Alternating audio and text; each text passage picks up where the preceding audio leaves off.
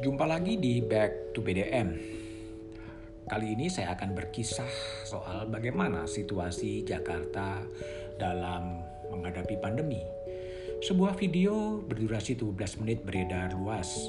Isinya penjelasan Gubernur Jakarta Anies Baswedan soal kondisi COVID-19 di Jakarta. Itu terjadi minggu malam 13 Juni 2021 Gubernur Anies menjelaskan perkembangan kondisi COVID di Jakarta. Seseorang bertanya, entah wartawan, entah orang biasa bertanya, pertanyaan tidak terlalu jelas tapi dijawab oleh Gubernur Anies. Kita sedang berbicara COVID. Dalam situasi sekarang ini yang diperlukan adalah satu, keselamatan, kedua, keselamatan, ketiga, keselamatan. Urusan politik dan lainnya nomor kesekian Jawaban Anies tepat. Dalam situasi genting seperti saat ini, sikap paling tepat dan bijak adalah bagaimana mengendalikan COVID-19 dan mengutamakan keselamatan warga. Kutipan serupa sering disuarakan Presiden Joko Widodo. Keselamatan rakyat adalah hukum tertinggi. Sejumlah pejabat juga sering mengutip mengungkapkan kembali kutipan dari filsuf berkebangsaan Italia Cicero pemerintah sebenarnya telah mengantisipasi bakal terjadinya lonjakan penularan COVID-19. Setiap libur panjang akan ada lonjakan. Pemerintah sudah melarang mudik lebaran. Pelarangan mudik lebaran adalah kebijakan politik negara, kata Ketua Satgas Doni Munardo kala itu.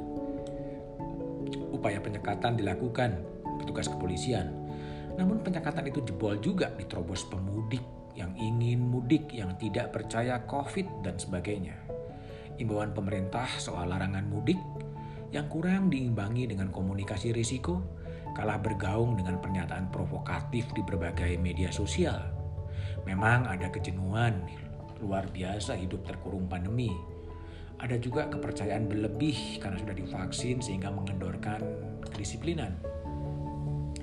Akibatnya kita saksikan akhir-akhir ini ada kegentingan di sejumlah daerah COVID tidak mengenal profesi, sejumlah anggota DPR terpapar COVID. Rapat kerja dilakukan dalam jumlah minimal. Rumah sakit penuh. Mencari rumah sakit sulit sama sulitnya juga mungkin dengan menjawab tes wawasan kebangsaan. Situasi memprihatinkan di sejumlah daerah. Mendapatkan layanan kesehatan menjadi begitu susah dan terasa menjadi barang mewah Meskipun Kementerian Kesehatan terus meningkatkan ketersediaan tempat tidur perawatan dan percepatan vaksinasi. Kepercayaan pada data adalah keniscayaan. Kementerian Kesehatan telah membangun data bahwa tiap libur panjang disertai mobilitas yang tinggi akan disertai dengan peningkatan penularan COVID. Menurut data yang ada, puncaknya akan terjadi pada minggu pertama Juli 2021 transparansi data dan apa yang dikerjakan pemerintah menjadi faktor penting untuk memulihkan kredibilitas pemerintah. Pernyataan elit pemerintah kadang tak lagi punya daya magis ketika publik mendapatkan pesan tidak satunya kata dan perbuatan.